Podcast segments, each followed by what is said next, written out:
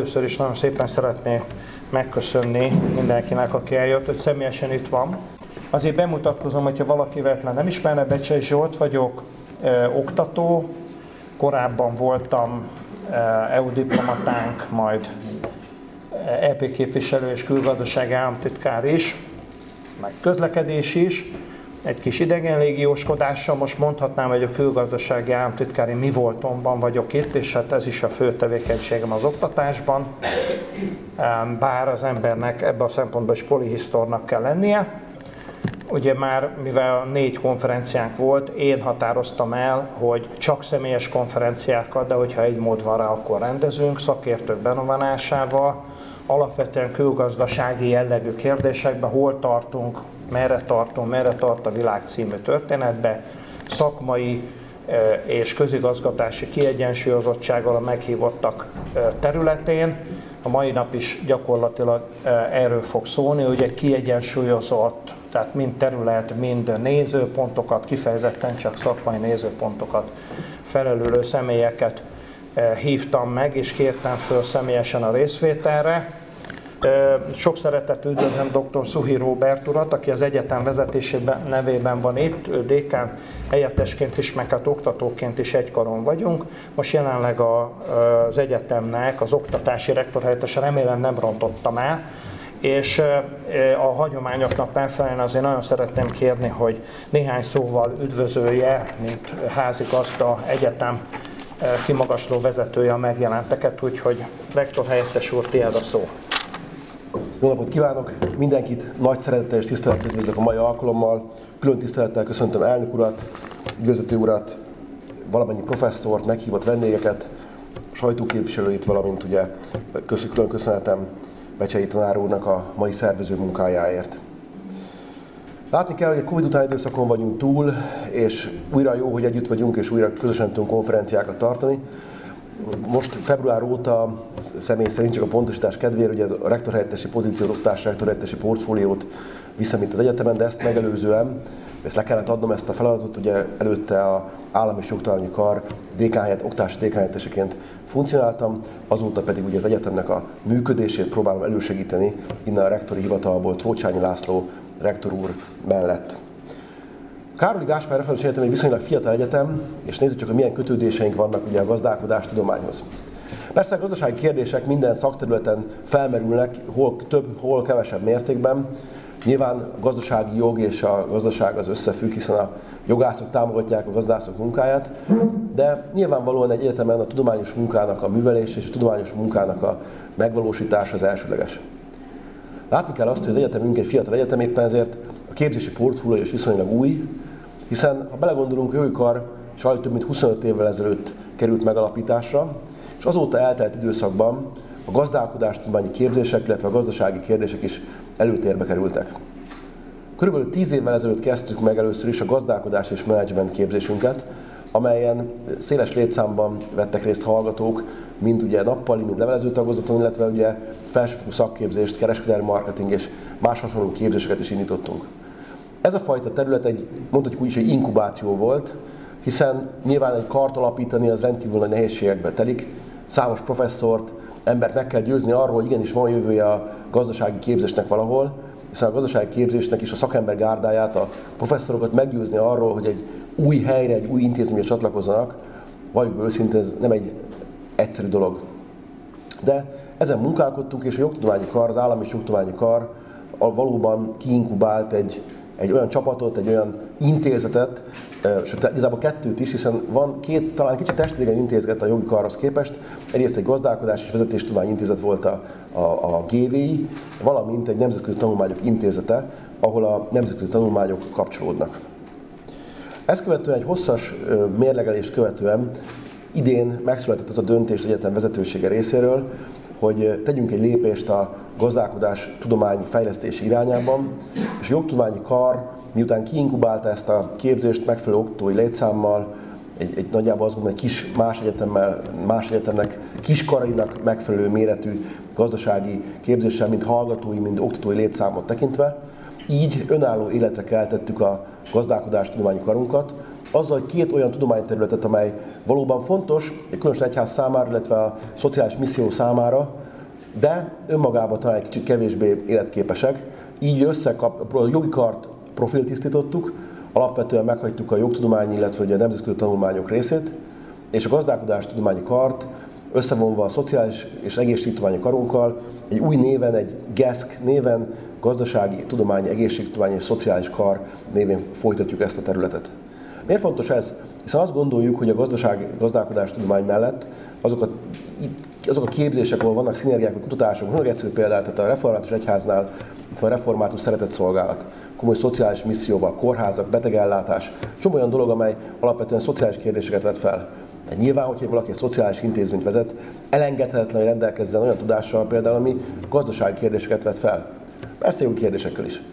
De ilyen típusú kutatások, ilyen típusú képzésekkel próbálunk a piacon megjelenni, és ilyen típusú képzésekkel tudást próbálunk átadni. Egyrészt nyilván abból a célból, hogy a saját intézményünk számára képezzünk egy új jövőbeli generációt, másrészt pedig nyilván az ilyen típusú tudás iránt érdeklődők, hallgatók számára egyfajta lehetőséget teremtsünk.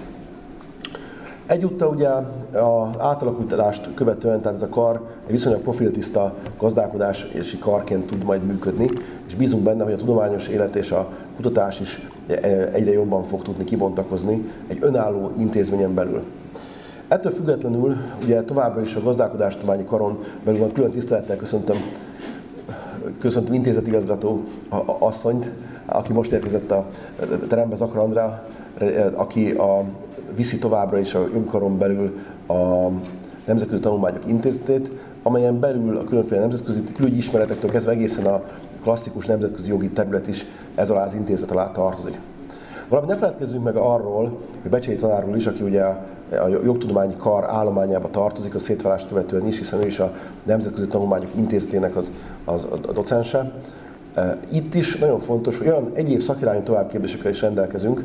Lásd például a gazdasági szakdiplomácia, amely gyakorlatilag töretlen népszerűséggel kerül megtartásra, ahogy jól számoltam, lassan már 8 év óta. Persze ez változó, néha több-kevesebb, de azt gondolom, ez nagyon fontos, hogy ilyen típusú képzést is hosszú távon fent tudtunk tartani. Mindenestre bizakodóan tekintünk a jövőbe, és számunkra nagy dolog, nagy lehetőség, hogy a tudomány krémjét, kimagasló szakembereket meg tudtunk szólítani, és ma itt tudnak lenni akár előadóként, akár hallgatóságként is. Nyilván a célunk az, hogy terjesszük és népszerűsítsük a gazdasági területünket, a gazdasági képzéseinket, és színvonalas, gazdag rendezvények segítségével lehetőség szerint a gazdálkodástudomány, a külügyi terület, diplomácia területén is próbáljunk meg nem csak oktatni, hanem egyúttal konferenciákat tartani, illetve színvonalas tudományos rendezvényeket megtartani, mint ahogy ez a mai nap is meg fog történni. Egyúttal bizakodóan tekintünk a jövőbe, remélhetőleg az új karunk az ősztől egy új épületbe fog megvalósul, fog megjelenni, mondjuk azt mondanám, hogy ez jó esélyeink vannak rá, így gyakorlatilag a gazdálkodástudományi és szociális egészségtudományi képzésünk talán végre méltó helyre fog kerülni az elkövetkezendő időben. Egyúttal nagyon-nagyon köszönöm, hogy ma itt lettem, nagyon-nagyon jó konferenciázás, nem szeretném a szakmai időtől rabolni a értékes időt, hiszen azt tudjuk, és talán megértettük, hogy mindig az időből pénzünk bármikor lehet, azt tudunk csinálni, hiszen ők közgazdászok tudják, hogy kell a pénzt csinálni, de az idő az, ami elfogy, és az véges és pótolhatatlan. Úgyhogy nem is szeretném szaporítani a szót, hanem mindenkinek hálás köszönetem, hogy eljöttek hozzánk szerény falaink közé, és egyúttal egy gratulálok a szervezőknek, köszönöm a szervezést, köszönöm az intézet munkáját, és nagyon kiváló konferenciát kívánok a mai napra. Szokásom, hát ez lehet, hogy a egocentrizmusból is ered, hogy ugye az előző konferenciákon kicsit hosszabban, de mindig eladásokat tartottam arról, hogy, hogy hol tartunk most. Ezért egy ilyen 20-25 perces bevezető eladásom lesz, és utána megint a szokásoknak megfelelően a közgazdasági társaság elnöke fog előadást tartani, de most nem mint elnök, hanem mint monetáris tanácstag jött el közénk Gyula. Ugye az előző konferenciákban itt volt Kovács Árpád is, a tiszteletbeli elnökünk is, de most úgy gondoltam, hogy inkább úgy hívom össze az előadói pult,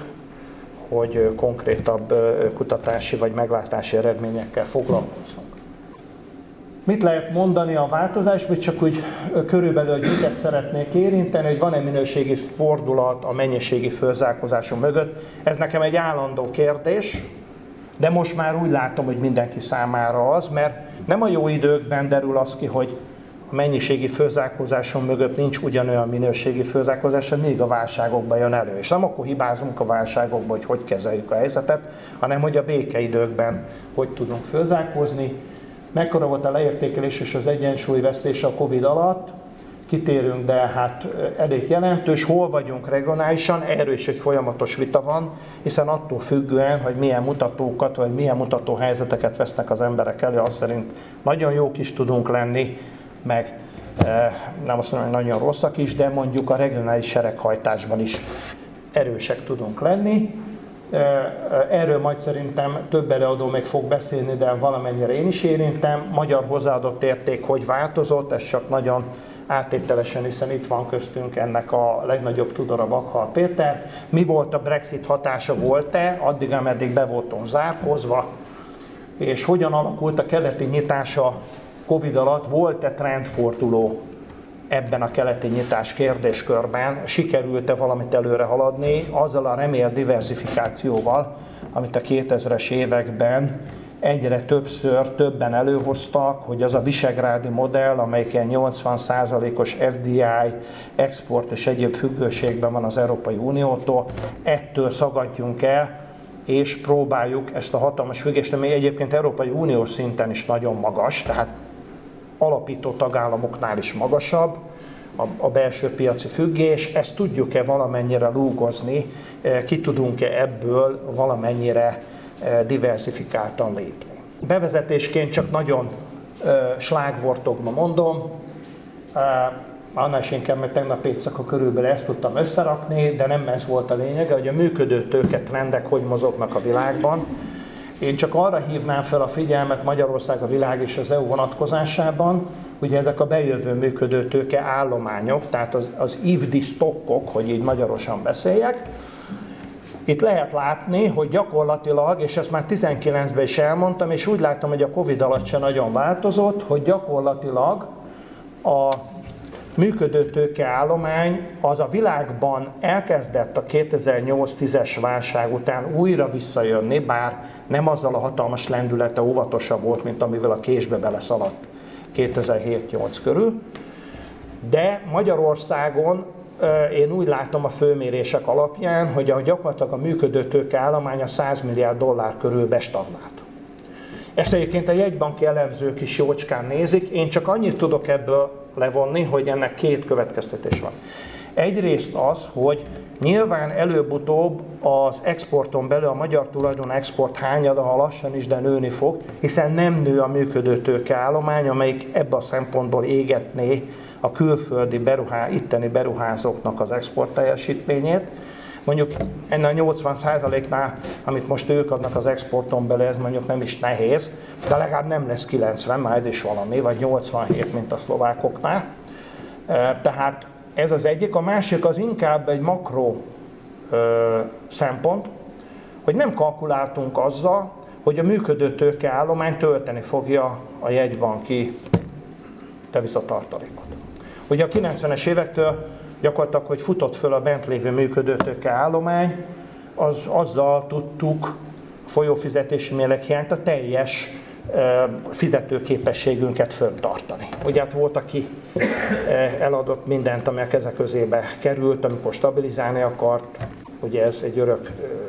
vált bokroslajos ellen, de mindenféleképpen azt hiszem, hogy itt az arról tudomást kell, hogy vegyünk, hogy ilyen értelemben a külföldi fizetőképességünket FDI beáramló tőkével most már 4-5 éve nem tudjuk tartani, ezért fölértékelő a másik egyoldalú nem adósság teremtő tőkebevonást, ez az EU-nak a nettó tőkebevonása, mert más nem nagyon van. Ez a kettő van, amelyik nem generál adósságot, tehát hitelt föl lehet venni, de azt ugye az unokáknak majd kamatostól vissza is kell fizetni.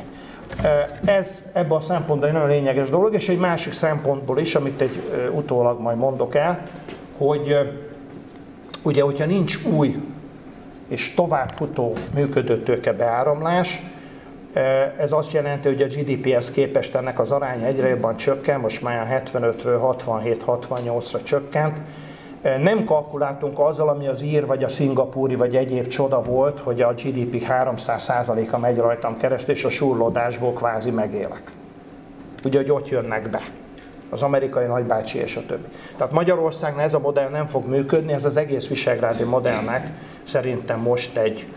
e, mérföldköve és zsákutcája. Csak ennyit akarok ebben mondani, nem megyek jobban bele. Ugye a külföldi cégek aránya ennek megfelelően a nemzeti hozzáadott értékeken belül, hát azt lehet látni, itt csak Ausztriát dobtam be, meg Szlovéniát, hogy ott, ahol hát boldogabb korszaka volt az életnek, és nem egy FDI függő versenyképességi modellt alakítottak ki a 90-es évektől fogva az egymás követő kormányok. Ott e, nyilvánvalóan e, jóval kisebb a külföldi cégeknek a hozzáadott értéken belüli aránya. Magyarország az egyik legmagasabb, ebben a vonatkozásban, de a visegrádiaknál ugye azért raktam oda talán Lengyelországot, a szlovák és a cseh is hasonlatos a magyarhoz, tehát meg minden 48-50 százalék körül mozgolódunk, de valamennyit már csökkent, pont azzal párhuzamosan, hogy a működő tőke állománya is gyakorlatilag stagnál. Valamit haladunk előre, hogy van egy saját hozzáadott értékünk, ez a saját tőkeképzés szempontjában nagyon fontos. Ugye hát Ausztria vagy Németországnál 20-25 százalékot nem haladja meg egy klasszikus nyugat-európai országnál. Mondom az írek kivételek. Ugye Magyarország szolgáltatás forgalma, szolgáltatás export, itt csak ebbe belenéztem, hogy a Covid alatt mi történt, lehet-e valami izgalmas dolgot levonni. Hát azt lehet levonni, hogy változatlanul nő,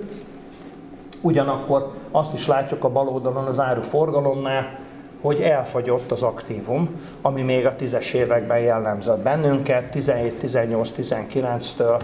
elfagyott a magyar aktívum. Ugye most abból is vannak a jelenlegi makrogazdasági problémáink, hogy a folyófizetési mérleg közepén az áruforgalom már ugye idén lesz vagy 8 milliárdos vesztesége, tehát ö, kicsit úgy fölrémlik néhányoknak a 80-as évek, de mindenféleképpen, vagy a 90-es is, csak akkor mondom az FDI-ból tudtuk a lukakat tömni, most már nem tudjuk, nincs már mit eladni, úgy nagyon leegyszerűsítve. Úgyhogy ez azt jelzi, hogy ugye 21-ben még gyakorlatilag nullszaldóra ment le a mérleg, 22-ben már elég jelentős mínuszos lesz, hát remélhetőleg 23-24-ben a mínusz is csökken. Ugyanakkor a szolgáltatás kereskedelmünk az meg szépen nő, és ott aktívumokat is tudunk kihozni, hát a 19-esnél még nem tartunk, de én továbbra is azt mondom, hogy ha kőkel mérleget tartani akarjuk, akkor nagyon oda kell figyelnünk a szolgáltatás mérlegre. Ez itthon általában a szakmai közvélemény elfelejt, én csak azért raktam ezt ide, mert ez egy lényeges dolog. Ha jó turisztikai évünk van, mert mellette a fuvarosok is hoznak egy jó évet Európába a kalandozásaikkal, mert ugye ők most már próbálnak egy kicsit kabotásba is belenyúlni, meg minden, ugye tehát, hogy a másik tagállam területén is fuvarozok, akkor,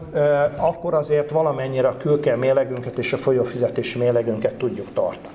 A innovációs szintünk, ez egy minőségi szint, nagyon sok minőségi szint, munkaerőtermelékenység, sok mindenről lehet beszélni, majd később biztos fognak is más előadók. Én most csak annyit emelnék ki, amely az innovációs scoreboard, az európai, ez EIS, ugye minden évben kiadják, és itt azt lehet látni, vagy csak nagyon röviden összefoglalva, hogy Európának a perifériája és a centruma között bármit is mutatnak a mennyiségi főzárkózások, hatalmas különbség van. Ez egy nagy kompozit mutató, mások is csinálnak kompozit minőségi mutatókat. Én az Európai Innovációs Mutatót jónak tartom, mert ott a felsőoktatástól kezdve a szakképzés sem át, annak a átkerülése a gazdaságba, a doktora, doktori képzési helyzetek, kápuszszerfabban minden benne van, saját tőkével, high-tech produkció, tehát nagyon sok minden benne van, és azt lehet látni, hogy a keleti periféria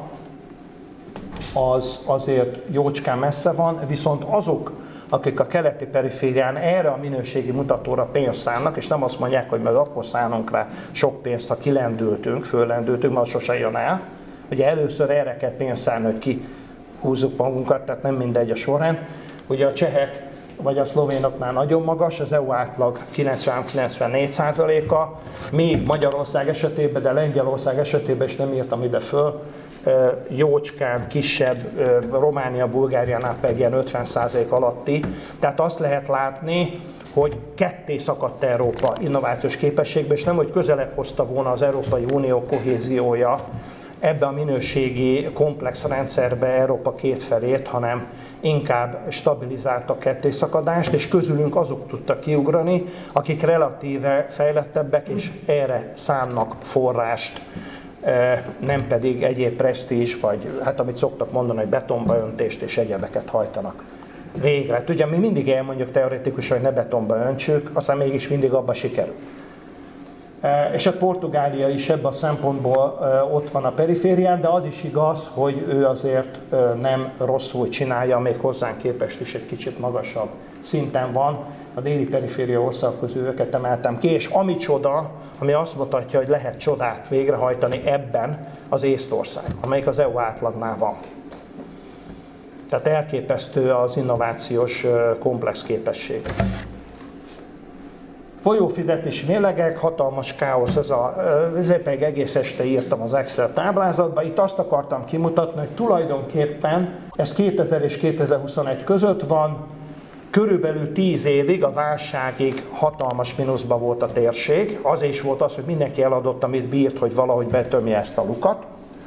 Majd utána szinte mindenki ki tudott emelkedni, és aki jó, az ott is tudott maradni. Nekem nagyon érdekes volt, amikor ezt néztem, hogy az észtek milyen rosszul néztek ki mondjuk 2000-es évek elején, és most milyen jól néznek ki folyó fizetési mérleg szempontjából. Tehát, hogyha valaki végig bogarásza ezt,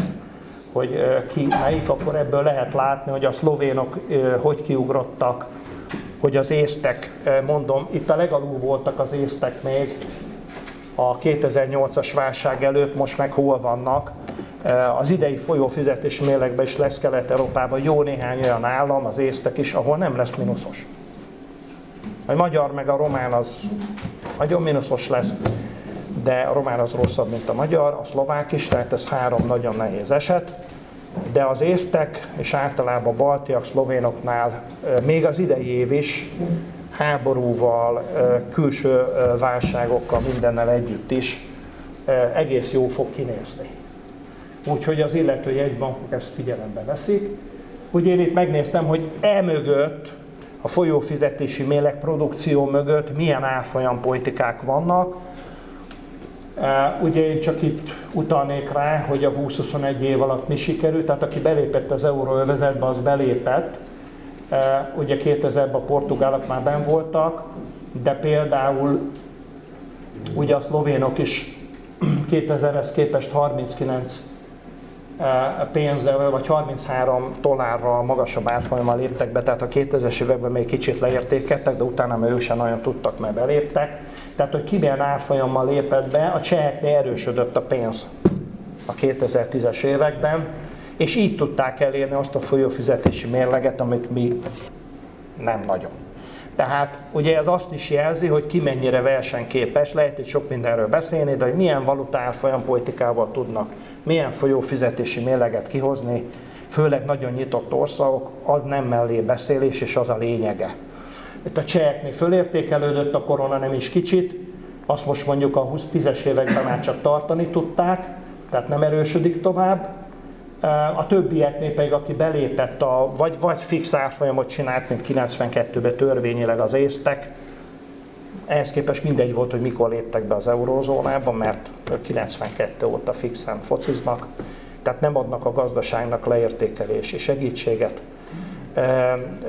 Így is képesek voltak a 2010-es évektől egy nagyon pozitív folyófizetési mérleg dologra, tehát lehet sikert elérni leértékelés nélkül is. Ezt akarom mondani. És akkor nyilván ennek a mondatnak a második felé, hogy ki az, aki próbálja a folyófizetési lukakat tömni leértékeléssel, ami nyilván egy versenyképességi probléma, melyik ország itt a teremben. És hát egy kicsit még itt a Brexit és egyéb kapcsolatokról, hogy ugye itt a Covid alatt mi történt, megnéztem, még nem tudtam előkukázni, de hamarosan megtalálom a, a, a brit és az EU közötti kereskedelmi mérleget is, mert a 22-es már meg lesz. Ugye a 21-es évet néztem, az első szabad éve a házasság válás után ugye briteknek, és hogy hogyan szuperált ez az egész kapcsolatrendszer, és nagyjából azt lehet látni, főleg amikor meg is néztem, majd le is írtam valahova ide, hogy a az európai partnereknek, az EU és benne Magyarországnak sokkal jobban sikerült a kiválás után megtartani a brit pozíciót, mint fordítva. A britek nagyon nehezen tanulják, nyilván az új vámigazgatással, egyebekkel nagyon nehezen tanulják, hogy az európai piacra visszajöjjenek. Ebben nem biztos, hogy csak a vállóper és a vámigazgatás megtanulása benne van, lehet, hogy a brit versenyképességgel is vannak problémák. Tehát mi, európaiak sokkal jobban megfogtuk a brit piacot, vagy meg tudtuk tartani tulajdonképpen, mint vice versa. Csak ennyit akartam mondani, ugyanakkor a helyzet nem drámai, a britteket, tehát nem kell itt ezért élelmiszergyűjtés folytatni a britekért, gyakorlatilag ők azért a távozással megkapaszkodtak, majd hosszú távon 5-6-8 év alatt látjuk, hogy mi van, de az Európával szembeni pozíciójukat egyébként most már 22-be kezdik visszavinni arra, mint amikor a távozásuk előtt 17-18-19-ben voltak. Tehát itt nagyjából többre ez a lényege, és hát Ázsiával is megnéztük, hogy ki hogy keleti nyitott, az EU-nál is valamennyit nőtt a keleti nyitás, Magyarországon is valamit nőtt a Covid alatt a keleti exportunk, de nem túl sokat, a szolgáltatás exportunk pedig kifejezetten, ha jól láttam, csak. Tehát ez van, nem azt mondom, hogy ezt kell szeretni, minden esetre ugye azok a fantasztikumok, hogyha Európában válság van, akkor majd keleten fogunk kibontakozni, azok is óvatosan kezelendők. És hát itt le is írtam azt, hogy különböző termékcsoport kategóriában, hogy tényleg sikerült ez a shift, sikerült ez a divergenciás átállás, valami kis egy meg másfél százalékos eredmények vannak, mind termékcsoport szinten, ugye a dominanciája a gépiparnak megmaradt, mind az EU 14-ek dominanciája megmaradt, mind a kettő 50 százalék fölött van, tehát ha regionálisan is nézem, és ha termék főcsoportok szerint is nézem a kereskedelmet, akkor alapvetően megmaradt, egy-egy százalékpontot hasogattunk le a külgazdaságunkba ezekről a koncentrációs helyzetekről, de nem mentünk még messze 50% alá. Volt, amikor azt mondták, hogy az egész EU volt, tehát nem csak a nyugati részével, hanem a keletivel is levisszük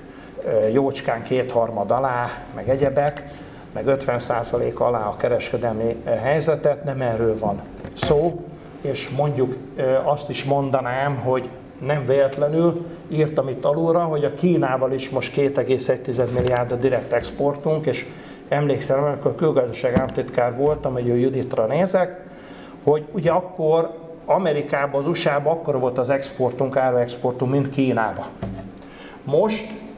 majdnem kétszer annyi, csak nem Kínában, hanem Amerikába. Tehát Amerikába majdnem kétszer annyi, mint Kínában az áruexportunk. Ami föntartja azt a fajelméletemet, amit ugye többször is megfogalmaztam, hogy tőke, technológia, működő tőke kapcsolatrendszer nélkül csak voluntarista alapon nem lehet a külkereskedelmet átstruktúrálni. Tehát, hogyha ez nincs a dolgok mögött, akkor hiába megyek oda az Audihoz egy géppisztolya, hogy akkor maga most nem Ingolstadtba viszi a kész Audit, hanem Szentpétervára vagy Sánkhájba, attól még nem oda viszik. Tehát nem lehet csak akarattal egy FDI vezére, technológia kapcsolatok, személyi kapcsolatok, integrációs kapcsolatok nélkül megteremtve a kereskedelmet fölfuttatni valahova, mert akarom, és egyébként valóban óhajként szép is, mert valóban diversifikálni kellene. Csak önmagába, hogy akarok diversifikálni a tetején a piramisnak, azt inkább a vágyak közé kell rakni, és nem a realitások közé, és akkor a vágyak között, hogyha pozitívan harcolunk érte, akkor nem ér bennünket csalódás, de hogyha beépítjük a politikánkba hatalmas anyagi erőforrásokkal valóságba, akkor viszont nagyon sok pénzt elköltünk 8-10 évig, és igazándiból nincsen diversifikációs eredmény, csak annyi, hogy nem lett még, még rosszabb, vagy még koncentráltabb valami. Magyarországon akár a termékstruktúrát veszem, akár a földrajzi struktúrát. Tehát körülbelül ennyit akartam mondani. Nagyon szépen köszönöm a figyelmet, és átadom egyúttal a szót akkor elnök úrnak, Gyulának, hogy monetárisan is eh, adjon nekünk valami eh, muníciót. Köszönöm szépen a megtisztelő meghívást, és tisztelettel köszöntök eh, minden megjelentet. Um, Engedjék meg, hogy, hogy ugye a KH-tól induljak, és most a KH Covid előtti békeidőket jelenteni. amikor ugye alacsony, alacsony kamatok voltak és óriási pénzbőség, ehhez a hazai oldalon ugye a Magyar Nemzeti Bank is hozzájárult a különböző programjaival, az a növekedési hitelprogrammal, növekedési kötvényprogrammal, jelzálog levélvásárlási programmal, stb. De hasonlóképpen járultak hozzá itt a pénzbőséghez a, a nagy központi bankok és mindenféle ilyen mennyiségi lazítási programokkal. De hát egy nagyon mondjuk nyugodt, boldog időszak volt ez monetáris politikai szempontból. Mi olyan 2018 végén, 2019 elején, ha, ha jól emlékszem, az akkor inflációs jelentéseimben is benne volt, hogy a, ezt, a, ezt az időszakot, ezt igyekeztünk jól kihasználni, tehát az a bizonyos kibocsátási rés, ami a, a gazdaság potenciális és tényleges teljesítmények között mérhető. Ez addigra lezárult, sőt egy kicsit pozitívba is fordult, azaz egy kicsit többet is, kicsit magasabb is volt a kibocsátás, mint a potenciális értéke, tehát már akkor elkezdtünk gondolkozni azon, és mondom, valamelyik vagy a 18 végi, vagy a 19 elejé inflációs jelentésünkben benne is volt, hogy most már el kell kezdeni fölkészülni a, a, arra, hogy visszaálljunk egy trendszerű növekedésre, tehát egy kicsit, kicsit alacsonyabb ütemű növekedésre. Ezután beköszöntött a Covid, ami viszont újra a fiskális és monetáris oldalról egyaránt lazításokat követelt meg, azért, hogy a gazdaságot életbe tarthassuk, hogy a munkahelyeket megtarthassuk. Tehát tulajdonképpen óriási óriási likvid pénzek halmozottak föl a rendszerben, elég nagy megtakarítások a háztartásoknál, a vállalati szektorban egyaránt, és amikor a Covid-dal kapcsolatos lezárások megszűntek, akkor ugrásszerűen jelentkeztek igények részben a gazdaság újraindulása miatt, tehát egy sokszerű energiaigény jelent meg, részben pedig a háztartások, a magánszektor elhalasztott vásárlásai jelentek meg a piacon, ráadásul egy kicsit, kicsit torzított formában, hiszen korábban vagy hagyományosan is volt az áruk és a szolgáltatások iránti igénynek egyfajta egyensúlya. Ez, ez az áruk javára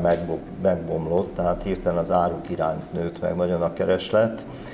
és végül, de nem utolsó sorban a Covid fölgyorsított bizonyos megatrendeket, és itt most elsősorban a digitalizációra gondolok,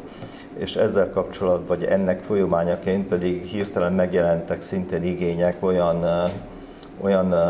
nyersanyagok iránt, amik a chipgyártáshoz szükségesek, mindenféle ilyen ritka földfémek, meg nem, én ez annyira nem nagyon értek fizikából, nem voltam annyira jó soha, de, de hát olyan, olyan nyersanyagok iránti igények jelentek meg nagy volumenben, amik korábban csak, csak jóval kisebb volumenben voltak meg a piacon, tehát elindult egy inflációs folyamat. Ezt az inflációs folyamatot Többféle központi bank többféleképpen értékelte. A nagy jegybankok, a, Fed, az Európai Központi Bank vagy a Bank of England, ők azt az álláspontot képviselték, hogy ez egy nagyon rövid távú, gyorsan lefutó inflációs hullám, úgyhogy ezen, ahogy mondani szokták, keresztül kell nézni. A Magyar Nemzeti Bank egy másfajta álláspontot képviselt, mi úgy gondoltuk, hogy hogy ez egy elhúzódó inflációs folyamat lesz, és ennek megfelelően kell a reakciókat felépíteni. Úgyhogy mi 2021 nyarán már el is indítottunk egy, egy kis kamatemelést, és minket aztán követtek a régióbeli országok is néhány hónapos lemaradással. És akkor hát úgy nézett ki, hogy aztán mindenki megy a maga útján, arról folyt a vita, hogy mikor is kell igazán elkezdeni majd szigorítani, akkor, amikor a, a kibocsátás eléri a COVID előtti szintet, vagy akkor, amikor a kibocsátás már egy olyan szintet ér el, amit elért volna, hogyha nincs COVID. Erről, erről ment a, a vita, de ez egy ilyen jó kis elméleti vita volt, és közben, közben az infláció nem volt olyan nagyon borzasztó, lehetett kezelgetni, de akkor beütött a, beütött ugye az orosz-ukrán háború, ami alapvetően borította, borította a képet, és hirtelen az infláció is egy elég komoly lendületet kapott. Most ez a lendület azonban mára, és most tulajdonképpen most, most érkezik el a jelenhez, úgy néz ki, hogy hogy kifulladóban van, tehát lassan eléri a infláció a tetejét, és onnan aztán csökkenni kezd. És hogy ez, hogy van ezt a Bank of America egy felmérése mutatja, hogy a befektetőknek egy nagyon jelentős százaléka mondja azt, hogy, hogy az infláció most már csökkenésnek indul, és emellett persze meg egy másik jelentős százaléka azt mondja, hogy emellett persze a gazdasági növekedés is vissza fog esni. Hogyha tovább megyünk, akkor azt látjuk, hogy Európában már, az Európai Unióban már hét olyan ország van, ahol az infláció növekedése vagy megállt, vagy, vagy már csökkenésnek indult. Tehát ezek mind azt mutatják, hogy, hogy valóban úgy néz ki, hogy, a, hogy az az inflációs hullám ez valahol közeleg a tetejéhez, és talán már vissza is fog fordulni és hogy miért is gondoljuk azt, hogy, hogy az infláció megfordulhat. Egyrészt látható, hogy a nyersanyagárak csökkenésnek indultak, ugye itt a, talán a leginkább a figyelem középpontjában vannak a gázárak, tehát a gázárak is jelentősen csökkentek, de még mindig az látszik, hogy, hogy majdnem hétszer annyiba kerül az, az európai gázár, mint, a, mint Amerikában az amerikai gázár. Ez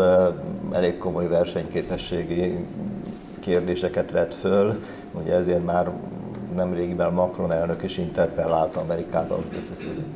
ez, ez, ez nem az igazi barátság, hogyha ilyen nagyon drágán adja Amerika a gázt.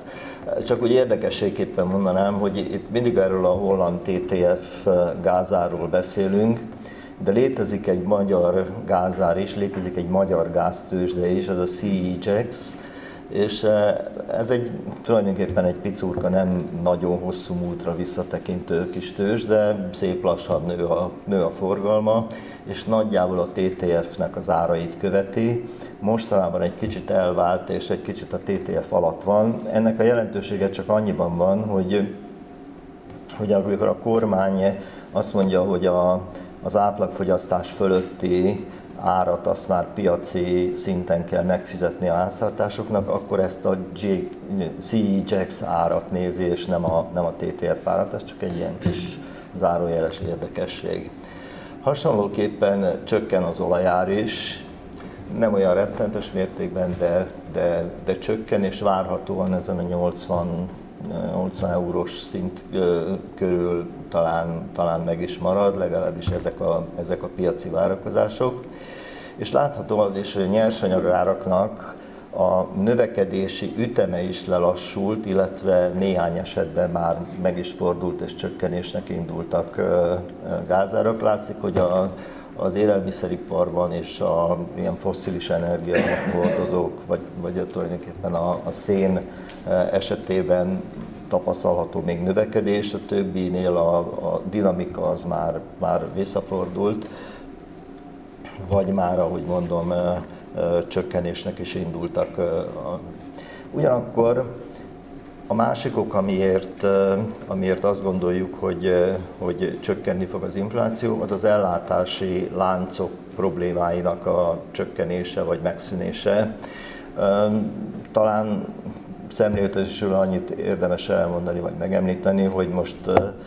Kína-Európa viszonylatban a szállítási költségek a csúcshoz képest durván 60%-kal már csökkentek. Ezen kívül rövidülnek is az ellátási láncok, vagy legalábbis vannak törekvések arra, hogy ezek a láncok rövidüljenek. Ugye Ausztriában, Németországban csipgyárat építenek, ugye nálunk ezt gondolom mindenki hallotta, és nagy viták is folynak róla, hogy egy óriási kínai akkumulátorgyár épül a, a dél-koreai akkumulátorgyár mellett, Tehát egy kicsit azok a, ezek a hiperglobalizációs elképzelések úgy néz ki, hogy egy kicsit visszaszorulva vannak, és, a, és az ellátási láncok részben hatékonyabbá válnak, részben pedig, pedig rövidülni kezdenek. Most ugye ott a legelső dián szerepelt az a, az a várakozás és a befektetőknek az a várakozása, hogy a gazdaság lassulni fog, és ez látszik nálunk is, hogy a főbb külkereskedelmi partnereinknek a növekedése az az elkövetkező évben, talán években is lassulni fog, tehát mindenféleképpen csökkenő igényel számolhatunk a külkereskedelmi partnereink oldaláról, és, és a belföldi kereslet is, is visszaesett. Itt megint érdemes egy nagyon rövid kitérőt tenni, hogy az tudott tény, hogy, hogy Magyarország ebben az évben nagyon szép növekedési számokat tudott produkálni, itt az első, még az első három negyed évben is, bár itt most az utolsóban már némi, némi visszaesés történt. De ehhez hozzátartozik az, hogy ezt a növekedést alapvetően a fogyasztás generálta, hiszen azok a fölhalmozott kényszer megtakarítások, kiegészülve azzal a, azzal a jövedelemtranszferrel, ami a, az elmúlt év őszétől ez év tavaszáig tartott, ezek elég komoly vásárlóerőként jelentek meg a piacon, és nagyon megnyomták a növekedést. Az árnyoldala ennek, hogy ez a növekedés ez elég komoly importigényt is jelentett, ami azt jelenti, hogy a folyófizetési mérleget az bizony, az bizony elrontotta de összességében tehát látható, hogy a külföldi és a belföldi kereslet is várhatóan csökken, ami azt jelenti, hogy a növekedésünk is várhatóan csökkenni fog olyannyira, hogy még az is elképzelhető, hogy a, itt az elkövetkező negyedévekben ilyen úgynevezett technikai recesszióba kerül Magyarország, és hát jövőre ez az 1% körüli növekedés, ez azt gondolom, hogy jó eséllyel, jó eséllyel várható, de mindenféleképpen egy, egy gazdasági lassulás az, ami, amivel számolnunk kell. Jövőre, ahogy látszik, a háztartások fogyasztása az már csökkenteni fogja a, a, a kibocsátást, inkább az exportban az export növekedésében bízunk. Itt azok a kapacitások, amik elkezdtek az elmúlt években kiépülni, azok várhatóan termőre fordulnak, vagy azoknak egy jó része termőre fordul, és azt tudja a jövő évi növekedést eh, megalapozni. Na most a, ugye azzal, hogy, eh, hogy csökkenni fog a növekedés, azzal várhatóan valamennyire a munkaerőpiaci helyzet is változni fog azaz a munkanélküliségi ráta az egy picit emelkedhet, és, és várhatóan a reálkeresetek is csökkenni fognak. Ez csak megint zárójeles megjegyzés, hogy a reálkeresetek még ebben az évben is pozitívak Magyarországon, úgy, hogy közben a környező országokban már erősen negatívak, Csehországban különösen negatívak a reálkeresetek. Tehát mindezek a tényezők, ezek arra mutatnak, hogy az infláció az valóban, valóban elkezdhet csökkenni, és a Magyar Nemzeti Banknak van, van egy ilyen modellje, amit különböző ilyen statisztikai módszerekkel a KSH adatai alapján állítottak össze, és ez a modell ilyen rövid távú inflációs trendeket becsül előre, és ez is azt mutatja, hogy nyilván széles határok között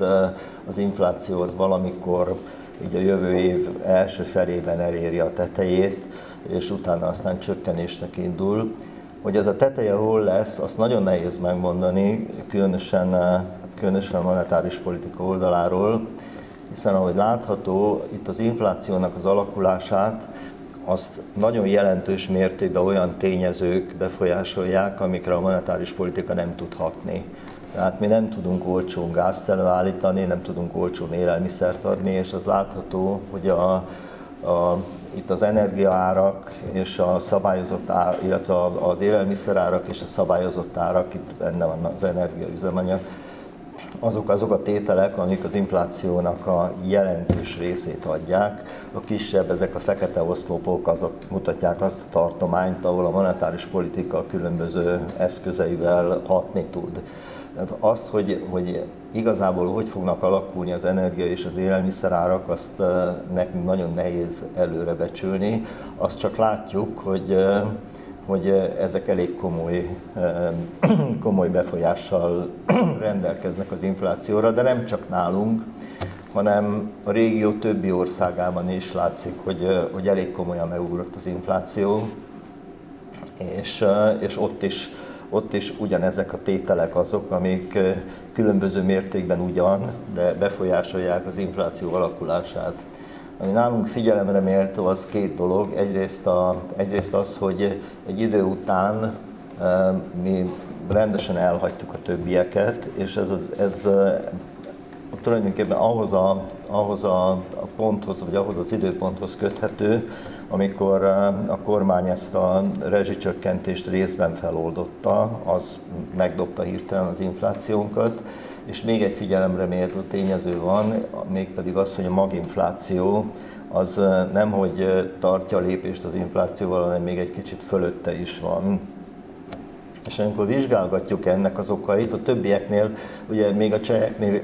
érdemes megnézni, hogy ők októberben bevezettek egyfajta rezsicsökkentést, és ott náluk vissza is fordította ezt az inflációt. Hogy most ez tartósan így marad-e, vagy, vagy kap még egy lökést, ezt, ezt nem látjuk előre, de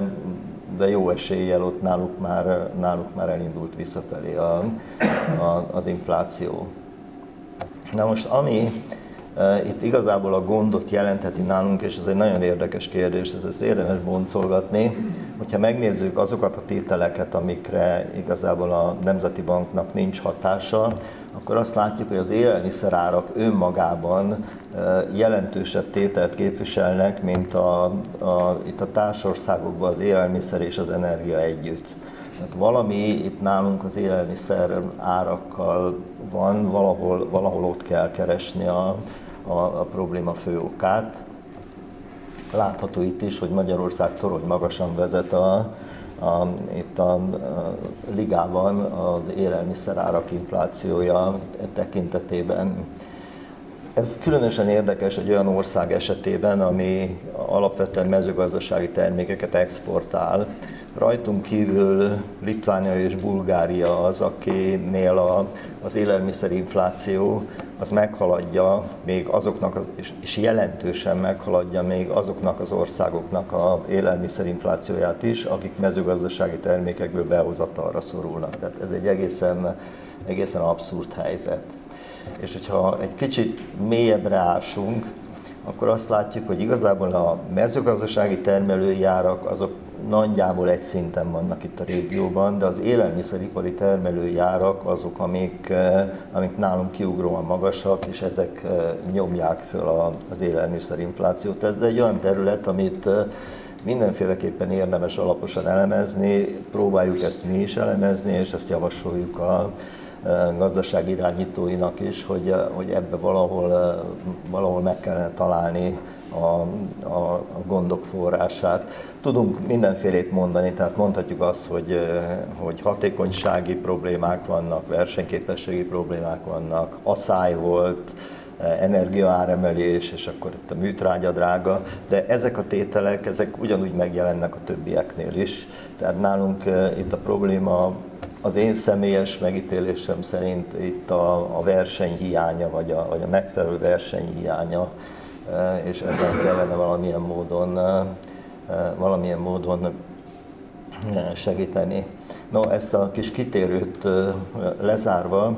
még azt mutatnám meg, hogy, hogy mit is várhatunk az infláció alakulásától. Ez egy ilyen kis érdekes ábra. A piros oszlopok jelentik a, a bejövő inflációt, tehát az olyan újabb tételeket, amik inflációt növelnek. A kék oszlopok pedig azok, amik az inflációt csökkentik, ezek a kimenő úgynevezett bázis hatások, tehát azok, ami egy évvel ezelőtt megjelent, be, beépült az inflációba, de az, az mára már kiesik az új inflációs számból.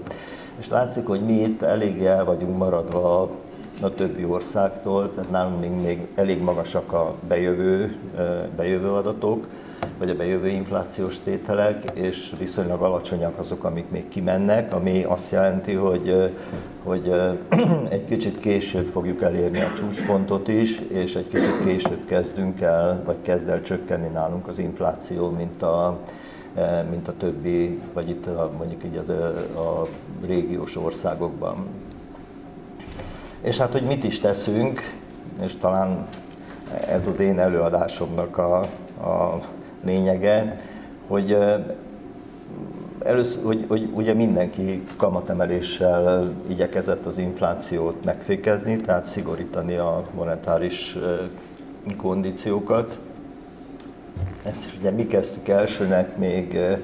2021. júniusában, és aztán ilyen szeptember-októberben csatlakoztak a többi régiós országok. Mi nyáron, idén nyáron megálltunk egy kicsit, mi amikor elértük a 10%-ot, mondván, hogy egy kétszámjegyű alapkamat az már Hát az már egy kicsit olyan, olyan kritikus lehet a növekedés szempontjából, tehát az már a növekedésnek lehet egy komoly akadálya, és akkor megálltunk, de láttuk, hogy az infláció az változatlanul, változatlanul emelkedik tovább, és, és nem nagyon van esély arra, hogy a 10%-os alapkamat mellett a mi előrejelzési horizontunkon, tehát ez egy 6-8 vagy 5-8 negyed éven belül az inflációt vissza lehet terelni a célra, ez a 3% plusz-minusz 1% sávjával. Tehát ott újra folytattuk, de szeptemberben 13%-nál meg is álltunk, mondván, hogy itt tovább már tényleg nem tudunk menni, mert, mert az már mindenféleképpen árt a, árt a gazdaságnak, árt a növekedésnek, tönkretesz minden, minden folyamatot, tehát ennél tovább alapkamattal nem szeretnénk menni. Hát ez egy bátor kijelentés volt, nem nagyon, nem nagyon szoktak jegybankok ilyet mondani, de nem, úgy tűnt, hogy nem is lesz belőle baj. Egy darabig ezt ugye a piac tudomásul vette, de akkor jött egy csomó olyan, vagy jó néhány olyan körülmény, ami, ami elgondolkoztatta a piacokat. Hát az egyik ugye, hogy a, ez az északi áramlat felrobbantása után elterjedtek hírek arról, hogy Ukrajnán keresztül sem kaphatunk gázt, és az meg tudva levő, hogy Magyarország így a régióban talán a legenergiaigényesebb gazdaságot futtatja, és ráadásul nagyon ki vagyunk szolgáltatva az orosz nyersanyagoknak, tehát ez egy nagyon komoly kockázati tényezőként merült föl. Emellett akkor már elkezdték nézni azt is, hogy hogy néz ki a folyófizetési mérlegünk, ami hát elég gyalázatosan nézett ki részben, annak betudhatóan, amiről beszéltem az előbb, tehát a, az évelei igen magas fogyasztásnak, részben, részben az energia áremelkedésnek, és hát nyilván az energia, a felhasznált energia mennyiségének. Tehát elég rosszul nézett ki a folyófizetési mérlegünk, ráadásul a, a költségvetés is elég, elég rossz állapotban volt, tehát elég magasnak tűnt a költségvetési hiány, tehát várhatóan az év végére ez a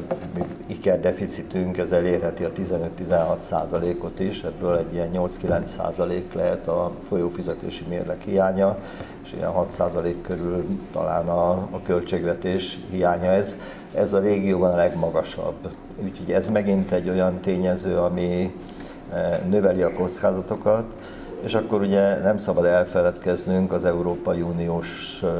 vitáink sorozatáról, ahol én bevallom őszintén, nem tudom, hogy most, most pontosan hogy is állunk vele. Egy, hát megy ez a, ez a húzzuk, vonjuk, és akkor majd, majd csak talán lesz valami megállapodás. Tehát talán az év végére tényleg, tényleg sikerül, sikerül megállapodni, de mindenféleképpen ez az Európai Uniós bizonytalan helyzet, ez, ez növeli a kockázatokat. Most ezeknek a kockázatoknak a következtében már, már nem volt olyan, már nem volt annyira elfogadott ez a 13%-os alapkamat, mi ugyan bejelentettük azt is, hogy a, a 13%-nál ugyan megállunk, de ez nem jelenti azt, hogy a monetáris szigorítást be is fejeztük volna. Tehát az azt emellett különböző eszközöket vannak felsorolva, vezettünk be annak érdekében, hogy azt az óriási szabad likviditást, ami a piacon megteremtődött, azt megpróbáljuk fölszívni. Megnöveltük a bankoknak a kötelező tartalékát, amit a jegybankban el kell helyezniük, ez korábban 1% volt, ezt föl, fölemeltük 5%-ra, bevezettünk diszkontkötvényt, bevezettünk betéteket, és ezzel tulajdonképpen elég jól sikerült fölszívni ennek a, ennek a piaci likviditásnak egy jelentős részét, de ez nem volt elég ahhoz, hogy hogy az árfolyamunkat ne kezdjék meg próbálgatni, és arra gondolom akkor emlékszik mindenki, hogy, hogy elég kemény támadások érték az árfolyamot, és egész, egész 430 forintig fölkuszott az euró árfolyama. Tehát további lépéseket kellett tennünk annak érdekében, hogy ugyan az alapkamatot megtartjuk ezek a, ezen a 13 os szinten, de, de olyan eszközöket kell bevezetnünk, amivel, a, amivel ezt a piaci turbulenciát és a forint elleni nyomást, vagy a forinttal szembeni nyomást csökkenteni tudjuk. Ezért aztán október közepén arról döntött a monetáris tanács, hogy ezt az úgynevezett kamatfolyosót kiszélesítjük. A kamatfolyosó az a tartomány, ami az alapkamat körül van, az a kamatfolyosó alja jelzi azt a kamatszintet, ahol a jegybank korlátlanul befogad a bankoktól betétet, a kamatfolyosó teteje pedig, pedig azt a kamatot mutatja, amin a jegybank korlátlan mennyiségben ad a bankoknak egynapos hitelt. Most ez a 25 százalék, tehát az, hogy 950 ponttal, tehát 9,5 százalékkal megemeltük a a, a sáv felső szélét. Ez azt mutatta, hogy a, a Nemzeti Banknak óriási mozgástere van, tehát a, nagyon meg tudja drágítani a forint elleni spekulációt. És a következő lépésben még, még azt is megtettük, hogy megáll, megállapodtunk a nagy energiaimportőrökkel, hogy az ő devizaigényüket kivezetjük a piacról, tehát azt mondjuk, hogy ne a piacon vásárolják meg, ne, ne jelenjen meg keresletként a piacon, hanem jöjjenek be a Nemzeti Bankba, és ott szépen uh, piaci áron természetesen, de, de, uh, mi, mi biztosítjuk a számukra ezt a devizát. Ez igazából ez egy nem kamatérzékeny tétel, mert ezt meg kell venni, annyiba kerül, amennyibe kerül, ezt ki kell fizetni. Maradtak tehát a piacon az úgynevezett spekulatív pozíciók, ezek kamatérzékenyek már, mert minél drágább egy ilyen spekulációs tranzakció, annál kockázatosabb is, tehát annál kisebb az esély arra, hogy, hogy ezen nagyot lehet nyerni. Tehát két lép, kétféle dolgot csináltunk. Egyrészt bevezettünk egy, egy egynapos betéti, betéti struktúrát, 18%-os kamatot ígérve, ezzel mondjuk vonzóvá tettük a, a, vonzóvá tettük ezt a betétet a befektetők számára, másrészt pedig ezt az úgynevezett deviza csere ügyletet és tehát ilyen devizacsere ügylet tendereket is bevezettünk, 17%-os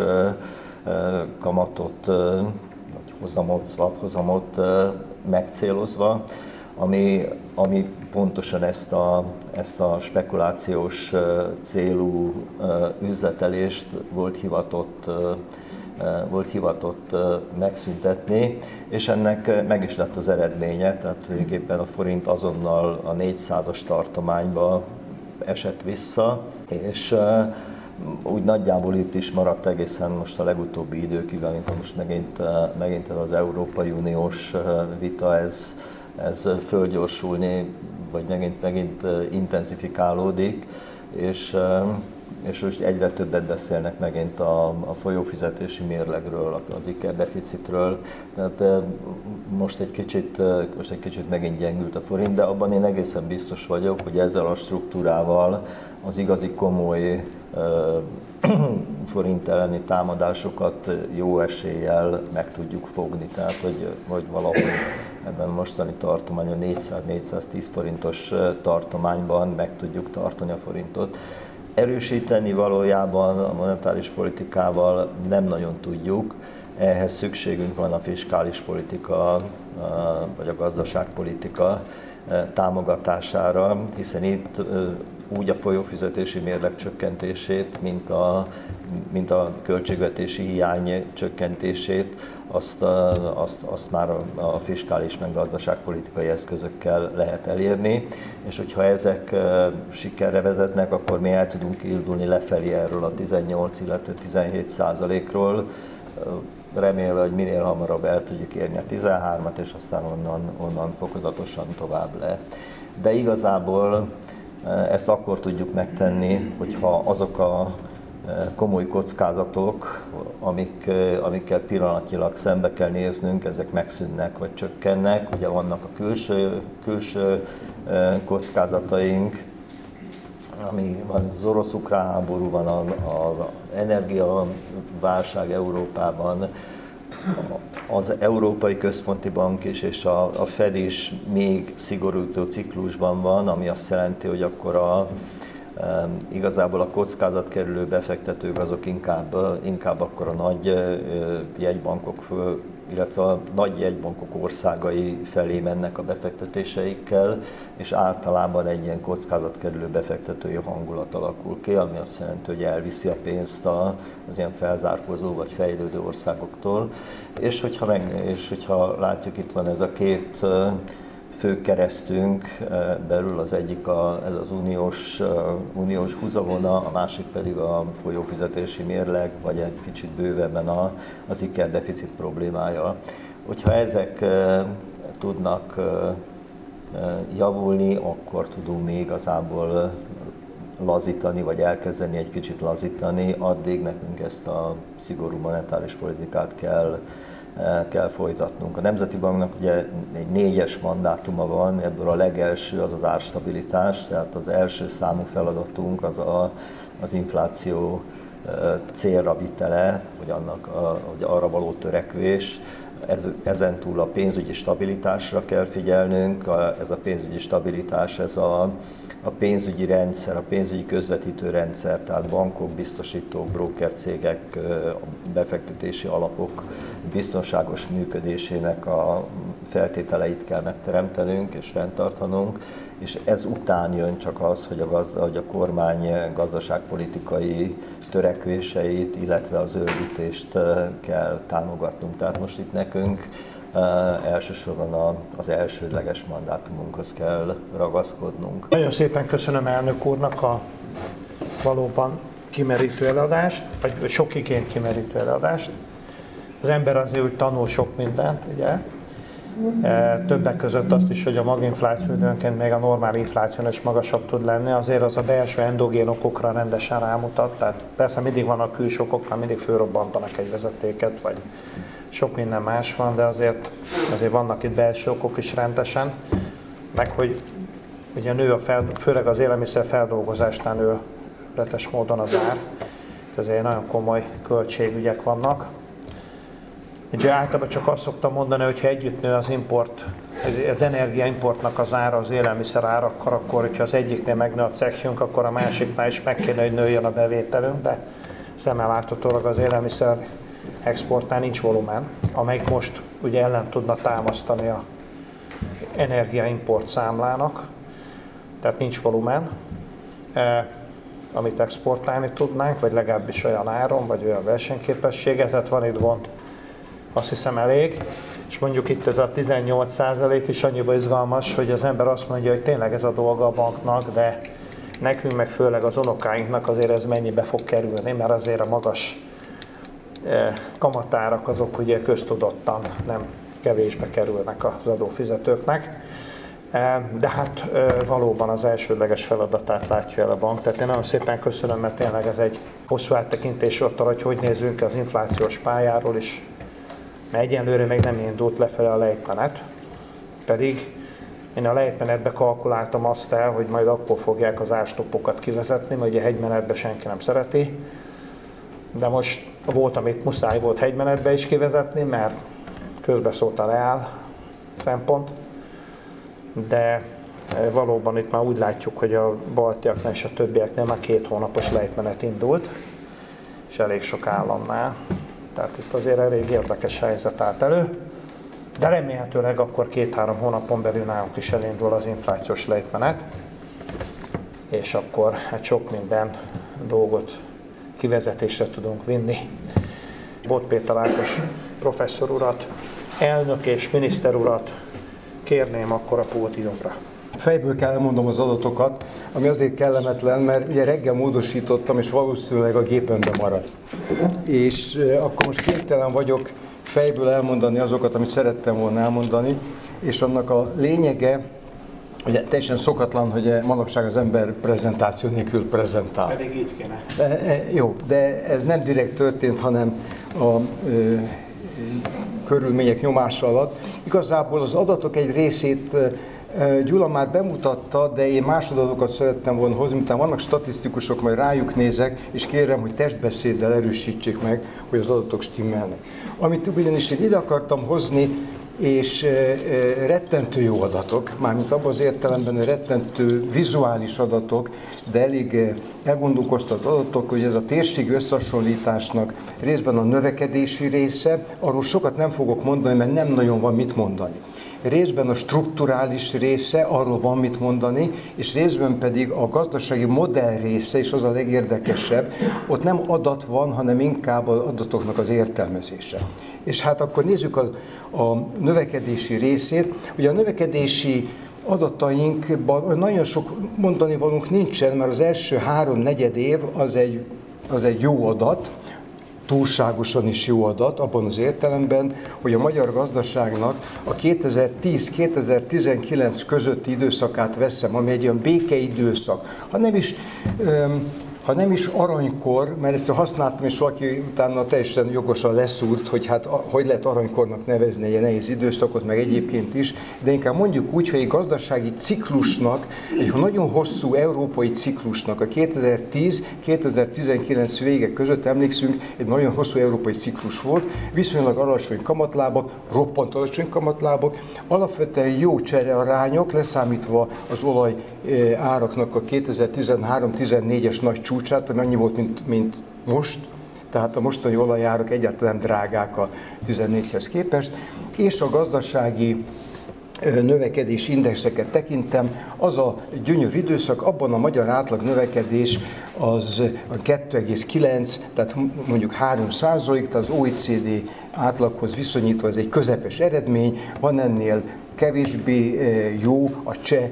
mondjuk, és van sokkal jobb, mint a lengyel, tehát abban az összehasonlítási keretben, amit mi szoktunk a visegrádiakban, a növekedés az egy közepes.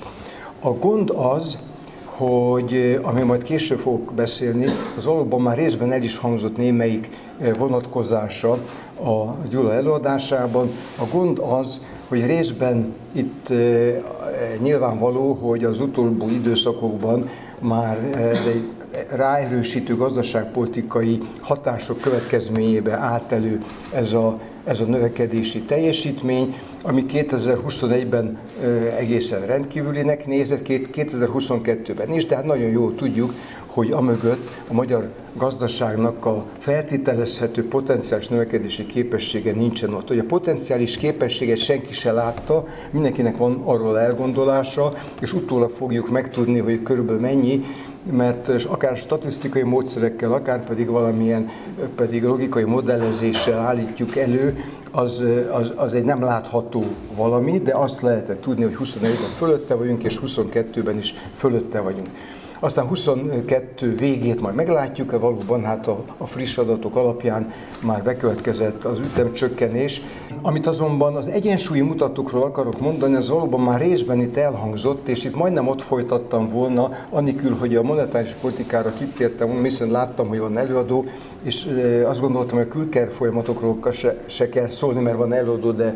nagyjából azért azt, az látható, hogy az egyensúlyi mutatókat tekintve a magyar gazdaság helyzete a hozzánk mérhető országokat veszem, tehát ezt a visegrádiakat, valamint azért vegyük hozzá Romániát, Horvátországot, Bulgáriát, és hát tekintsünk egy kicsit a Baltikumra, bár az ő helyzetük elég sajátos, nagyon sok volt ok miatt. Tehát, hogyha a környezetünket vesszük, akkor ahhoz képest ugye mi is, mi is látható, hát az inflációs ütemben ugye a mi 21,9%-unk ugye a harmonizált indexet tekintve az sokkal magasabb, mint a 14-19 közötti mutató. Bulgária, Románia 14, a csehek, lengyelek, szlovákok azokon 16-18, hogy e körüli mutatók vannak. És hát dolgoknak nincs vége, már csak azért is, mert ugye Magyarországon azért van egy csúsztatás, kés, egy késleltetés, és valóban hát mindannyian reménykedünk abban, hogy. De a remény egy dolog, a tény az, hogy a magyar infláció, a beszélgetés időpontjában a magyar infláció még lendületben van, és azok a tegnap éjszakai, most nem a, a, a kihagyott 11-esekre gondolok, meg a, a, a, amit, amit néztem, utána lefeküdtem e, gyanútlanul, és aztán, amikor fölébredtem hatkor, már, de akkor már megnéztem a indexet, meg, meg a portfóliót, meg az összes többit, hogy mi történt, és lámlám történt. Nem erre gondolok, hanem, hanem egyéb, egyéb hírekre gondolok, az a magyar inflációnak az indexe az megy följebb, a közgazdászként hozzáteszem, hogy az index megy fölfel, engem nem érdekel, mert ha egy hiánygazdasági szimptoma lép fel, akkor nincs statisztikus, aki meg, tudja nekem mondani, hogy mennyit ér az a benzin, amit 480 forintért hirdetnek, de csak 5 litert vehetek, és a negyedik útnál. Ennek, hogy, hogy, mi, mi ennek az ára, mi ennek az ára értéke, hogy kerül be ez a fogyasztói kosaramba. Na most ezt azért mondom el, mert igazából egyensúlyi mutatókat akartam hozni, és azért sajnálom, hogy a, valószínűleg a másik adathordozómra mentettem a reggeli kapkodásba, mert azért megnéztem még olyan mutatókat, amelyek ebben a térség összevetésben mutatják azt, hogy mik azok a kockázatok, amelyekkel számolni kell, és az ábrám utolsó felsorolás az a tíz kockázati tényező, és nem kettő, hanem tíz. Mert említették kettőt, a te szempontodból, hogy ez a kettő nagyon fontos, de van még másik nyolc is, és ezek a másik nyolc, ez részben külső, részben pedig a belső kockázati tényezők és megpróbálom ezeket felidézni, de hát nyilvánvaló az egyik, ugye az inflációt már említettem, a másik a külkereskedelmi pozíció, ebben olyan nagyon nagy kutatást nem végeztem, mert azt látjuk, hogy a első kilenc hónap magyar adatát, a külkereskedelmi mérleget azt látjuk, tudjuk az előző évnek az első kilenc hónapját, most fejből mondom, plusz 5 és mínusz 7 milliárd van ilyesmi. Én életemben ekkor esést nem láttam egy esztendő alatt, pedig hát 73 óta figyelem a válságokat, akkor közgazdász voltam a 70 első olajválságban, a másodikat már a a Kutatóintézetében, már mint professzionális közgazdász. Kellett, hogy átéljük, ugye van egy-két kollégám itt a teremben, és ezért ez nagyon gyors változás, aminek a, a, alakulását tehát csak tippelgetni tudjuk, mert hiszen ugye emögött egy olyan furcsa gazdaságpolitikai eh, hiba sorozat áll, ami a rezsicsökkentés politikai nevet viseli, de ugye befogyasztja egy olyan terméknek, termékcsoportnak az árát, amely, amelynél az áralkalmazkodásra óriási szükség van, amikor a, az árak jelentősen is tartósan változnak. És a tartósan azért van a hangsúly, mert bár mindannyian azt reméljük, hogy mennek lefelé az olajárak, és mennek is lefelé, ezt lehet látni, de azért azt tudni vélem, hogy vissza már nem fog állni az előző időszak átlagárára, sokok miatt, hát a zöld gondolat miatt eleve nem tud visszamenni, hiszen fel kell készülnünk egy új geopolitikai helyzetre is és egy új szemléletre, valamint azért is, mert az a nagyon gyors és számomra teljesen meglepő átállás, sikeres átállás, amit az európai országok többsége végrehajtott azzal, azzal hogy levált az orosz gázról, és leválik az orosz, orosz olajról, nagyon jelentős beruházásokkal, de ez az átállás részben már meg is történt, és megtért, megtörténőben van, de nagyon nagy ráfordításokkal. Tehát az a tény mondjuk, hogy az LNG kikötőket megnagyobbították, hogy Németországban elindítottak a háború bejelentése után egy új kikötőt, és ezt a múlt héten átadták, ami azért technológiailag, és azt kell mondanom, hogy le a kalappal. Tehát ez viszont azt is jelenti, hogy olyan beruházások történtek, amelyeknek a megtérülési ciklusa miatt a szereplők nem fognak tudni lejjebb menni. Tehát az az Amerika-Európa közötti speciális nagy különbség az nyilván csökkenni fog, de azért a csökkenés azt jelenti, hogy a következő időszakban az energia nem lesz olcsó, ez minden ez rossz hír is, másfelől viszont azt is jelenti, hogy aki előbb elkezd alkalmazkodni, az kisebb veszteséget szenved el, mint aki később kezd el alkalmazkodni, és Magyarország elvesztett egy évet. Na most ez azért is, és nagyon sajnálom, hogy nincs itt az adatom, mert a Nemzetközi Energia Ügynökségnek az adatai alapján azt a két adatsort hoztam ide, amit sokkolónak szántam, de most akkor elmondom szóba. Az egyik az a magyar ipar, tehát a három, de ugyanaz a témakör. Az egyik a magyar iparnak az energiaigényessége. Ugye ezt nem nagyon tudjuk, de a 2010-es és 2020-as időszakban a, erre vonatkozik a, a, a, ennek a nemzetközi ügynökségnek a, az éves jelentésében az adatsor. A magyar ipar energiafogyasztása 46%-kal nőtt. Na most a magyar ipar term, outputja is nőtt, örvendetesen nőtt, de ez azon nem, azt nem szoroz, hogy a, a felhasznált energia mennyisége az 46%-kal nőtt, és miután egy importfüggő ország, ez azt is jelenti, hogy ez elég jelentős részben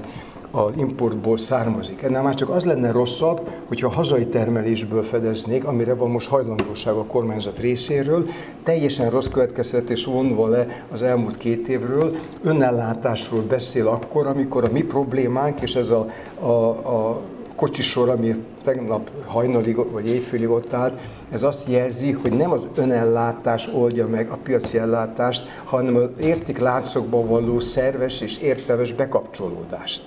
az önellátás egy ekkora országban, melynek a lakosság számát nem ismerjük, mi 10 millióról gondolkoztunk korábban, de a visszaküldött adatok alapján ez nincsen 10 millió, eh, hanem valamennyi.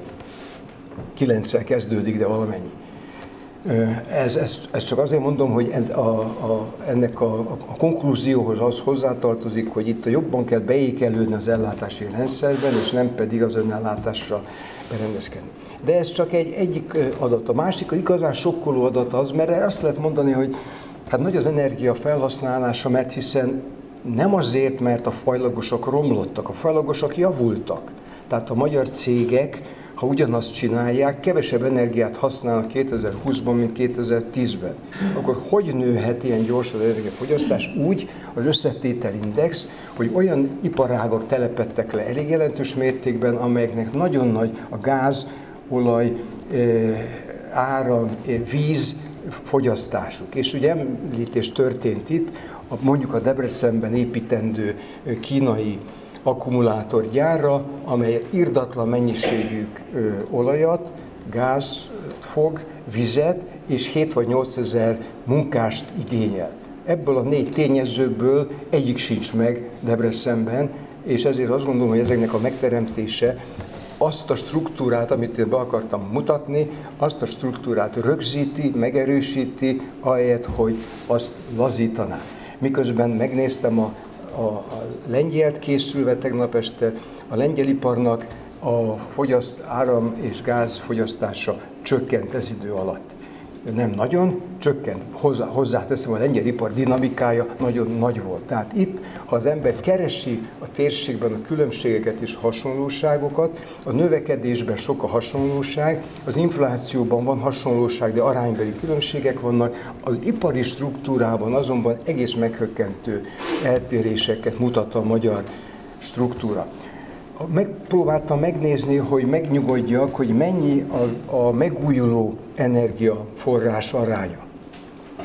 Abból az derült ki, hogy Magyarországon a magyar energiafogyasztásnak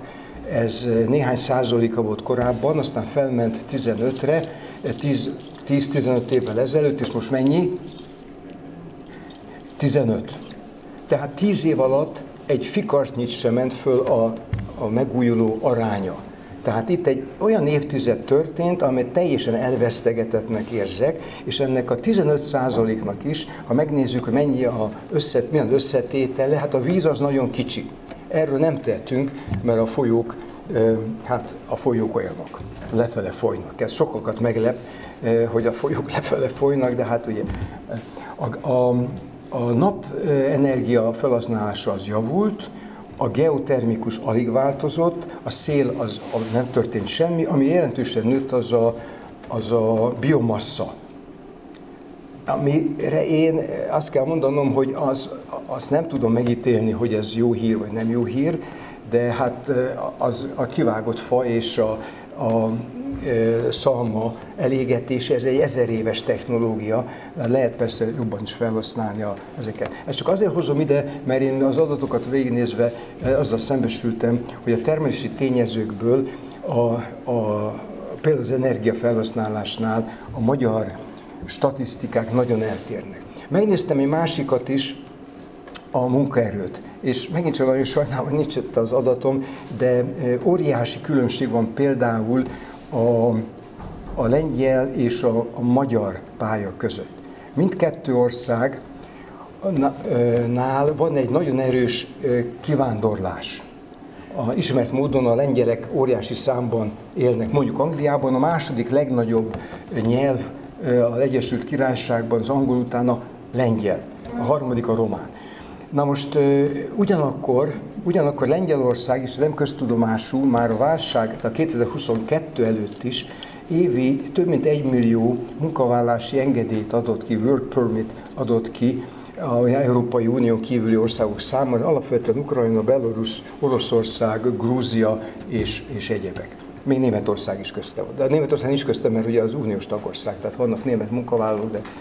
ez azért hozom ide, mert a lengyel gazdaság, és ez hasonlóan, némileg hasonlóan jellemző a cseh gazdaságra, jelentős mértékben szív fel munkaerőt, miközben maga exportál munkaerőt, és mind a kettőnek megvan a maga mozgatója és értelme, de mind a kettő a potenciális gazdasági növekedést érinti, mert hogyha a munkaerő állomány az nem eláramlik, tehát nem brain drain van, hanem, hanem pulzálás van, akkor nehéz megmondani ennek az eredőjét, de azt lehet gondolni, hogy a növekedési képessége nem rossz. Most ez a 2022-es válság előtti időpont, a,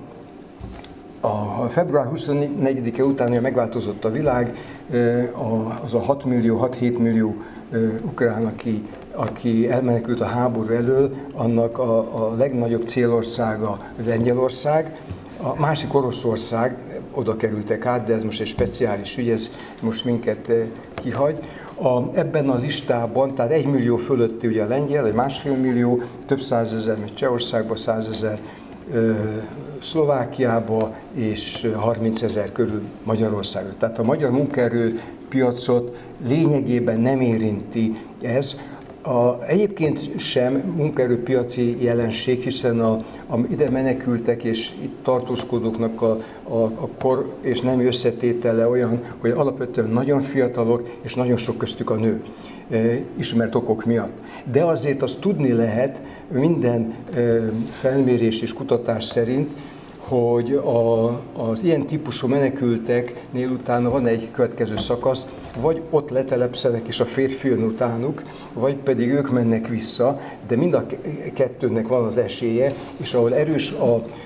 a diaszpora, ott a letelepedés aránya nagy. Tehát ebből az a konklúzió, hogy néhány térségi országban a munkaerő állomány növekedése várható, eh, függetlenül vagy függően attól, milyen lesz az ukrán újjáépítési folyamat, én egy konferenciálódásra készülve, és ott szerepelve,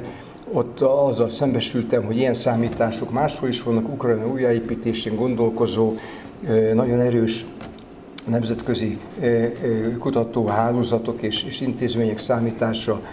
különböző számításai szerint a visszatérési valószínűség az nem túl nagy, a korábbi időszakokat és, és eseteket figyelembe véve, de nem lehet tudni. Az bizonyos azonban, hogy a magyar gazdaság szempontjából ez a ez nem munkaerő utánpótlási tényező. Tehát, hogyha visszatérünk majd arra, hogy milyen növekedési, fejlődési pályáink vannak, akkor a munkaerő az marad valószínűleg korlátnak. Az ipari struktúrát említettem, és egy nagyon merev ez az ipari struktúra, mert természetesen ezen lehet változtatni, de itt a változtatás az nem egy-két év, és még nem is csak ár kérdése, hiszen ha már ide települ egy iparág, annak a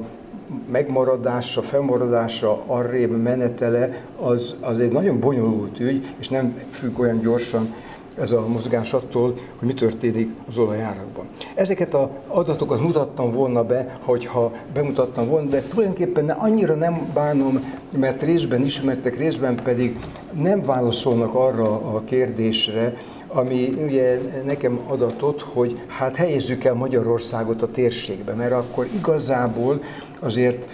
a, az adatok csak abban egy kicsit segítenek, amit egyébként is tudunk, hogy itt bizony a 2008-as válságra, pénzügyi válságra és az azóta eltett időszakra különböző válaszok születtek. És ezek a válaszok nagyon eltérőek, noha a kiinduló fejlettségi szint és kiinduló problematika elég hasonló. Hát mindegyik volt szocialista ország, mindegyiknek megvoltak a maga strukturális problémái, és ugye látjuk, hogy az észt válasz az mennyire más. Erre lehet mondani, hogy az észtek azok, azok ott fent vannak, és kicsik, és homogének, bár hát egyáltalán nem homogén, az sem. Például a összetételét tekintve hát egynegyede orosz anyanyelvű, ami manapság hát azért inkább kockázati tényezőnek számít a világban, mint, mint érdekességnek. De hogyha a, mi magunk térségét nézzük, akkor ugye azt lehet látni, hogy az a az a, a gazdaságpolitikai válasz, amely, amely a újraiparosítást szóba hozta és meg is valósította, mondván, hogy a, a, ezek a pénzmozgások, ezek nagyon, nagyon hektikusak, a, a túl van futtatva a pénzkultúra, hogy, és ezek mind, mind jogos kritikái a nyugat-európai és amerikai kapitalizmusnak, de nem igazából a mi ügyünk, mert a, én azt gondolom, hogy a 2008-hoz elvezető pálya, ez nem arról szól, hogy Magyarországon a pénzügyi szektor túl lett volna fejlesztve, hanem ott a Magyarországon emlékszünk azért az államháztartásnak a hiánya és egy halom, a, a halom szerencsétlen folyamat zajlott le a 2000 és 2008 között, aminek a kritikájában sokan jeleskedtünk és, és, és szóvá tettük, minden hatás nélkül. Viszont az erre adott válasznál azt gondolom, hogy nagyon nagy különbségek vannak, mert a, ezek a strukturális mutatók, és még áttekintettem, nem nagy lelkesedéssel idehoztam volna, kivetítettem volna az EBRD-nek, a, most nem úgy hívják, hogy Transition Index, de hasonló nevet adtak, egy minősítési indexe az országokat besorolják, a, a londoni székhelyű EBRD-nél, ahol én három boldog évet eltöltöttem, és ott megnéztem, hogy a magyar, a magyar állam, Magyar, Magyarország milyen indexeket kap, és, a, és csak gyorsan elmondom, hogy integráltság és be, be, beintegráltságba jeles. Tehát, hogy a magyar gazdaság a leg, legfejlettebbek között van, akik benne vannak az európai értékláncban, ez jó. A magyar állam vezetői képessége közepes, ne, ne, ne, ne tessük most, hogy közepes, tehát vannak rosszabbak is, meg, meg jobbak is. A magyar gazdaságnak, a, a magyar társadalomnak a, a befogadó képessége az átlag alatti, és ez különösen akkor érdekes, amikor ugye migrációs folyamatokról van szó. Ez, ez nem lep meg minket.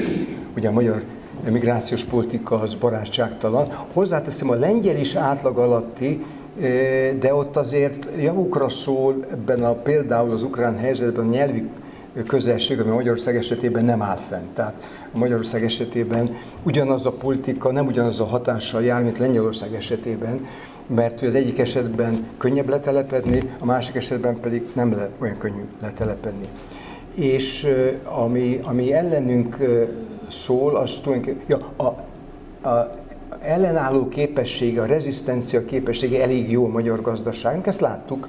Tehát ha kell, tud alkalmazkodni a magyar gazdaság. Az ár jele, jelekre tud alkalmazkodni, hogyha hagyják. A rezsicsökkentést nem hagyta,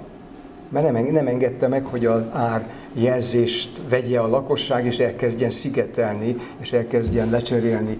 sokat fogyasztó gépeket, és elkezdjen életmódot változtatni, végig gondolja, hogy ki tudja fűteni majd később azt a 120 négyzetmétert, vagy pedig esetleg másfajta megoldást kell választani, hogy a, a, a cégét hogy, hogy fejlesz-e, hogy saját telephelyet építsen, vagy ossza meg, stb. Ezt csak azért hozom ide, hogy vannak olyan mutatók, amelyek alapján itt ugye az mutatható ki, hogy a magyar gazdaság strukturális helyzete nehezebb a, a többinél. És most nem csak a legjobbakat mondom, tehát Szlová, Észtországot és a másik két a balti országot, Szlovéniát. Szlovákiával van némileg hasonló problémáj, tehát ott is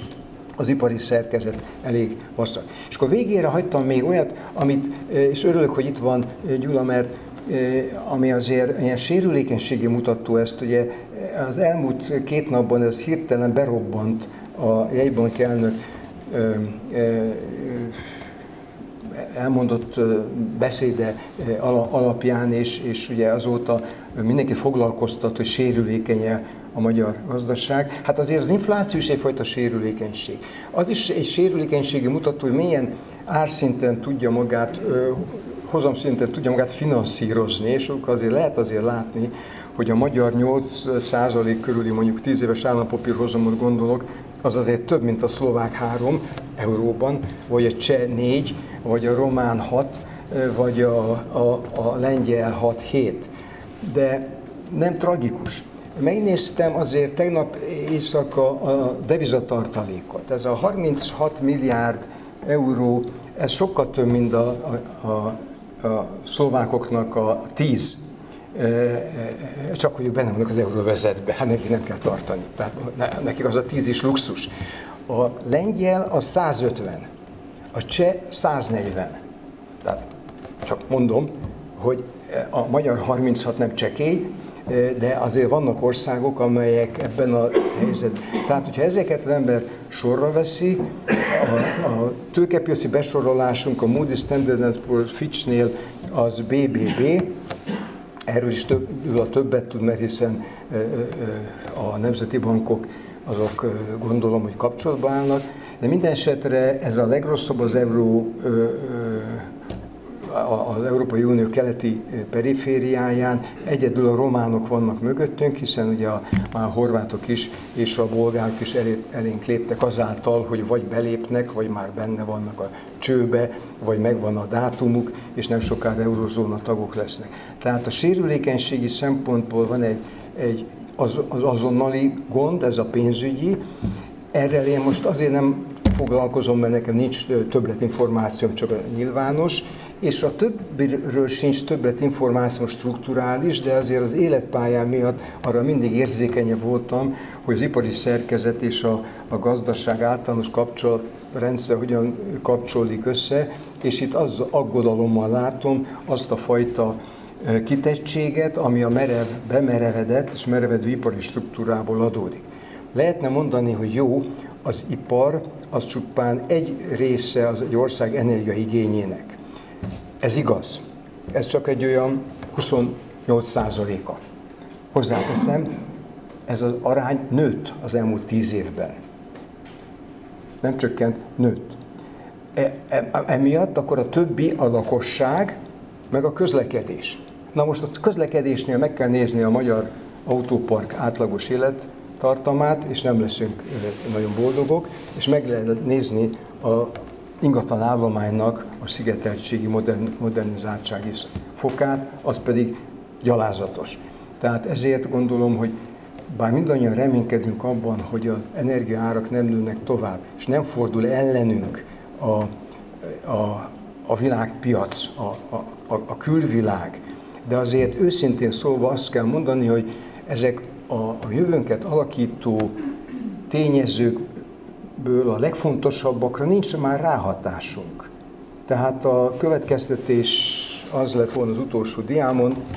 ennél elegánsabban megfogalmazva, hogy hát lehet reménykedni, hogy ezek a folyamatok jobb, jobban alakulnak, és mindannyian nagyon reménykedünk, de sem a nemzetközi olajára, sem a nemzetközi kamatszintre, sem a tőkepiaci besorolásunkra nagyon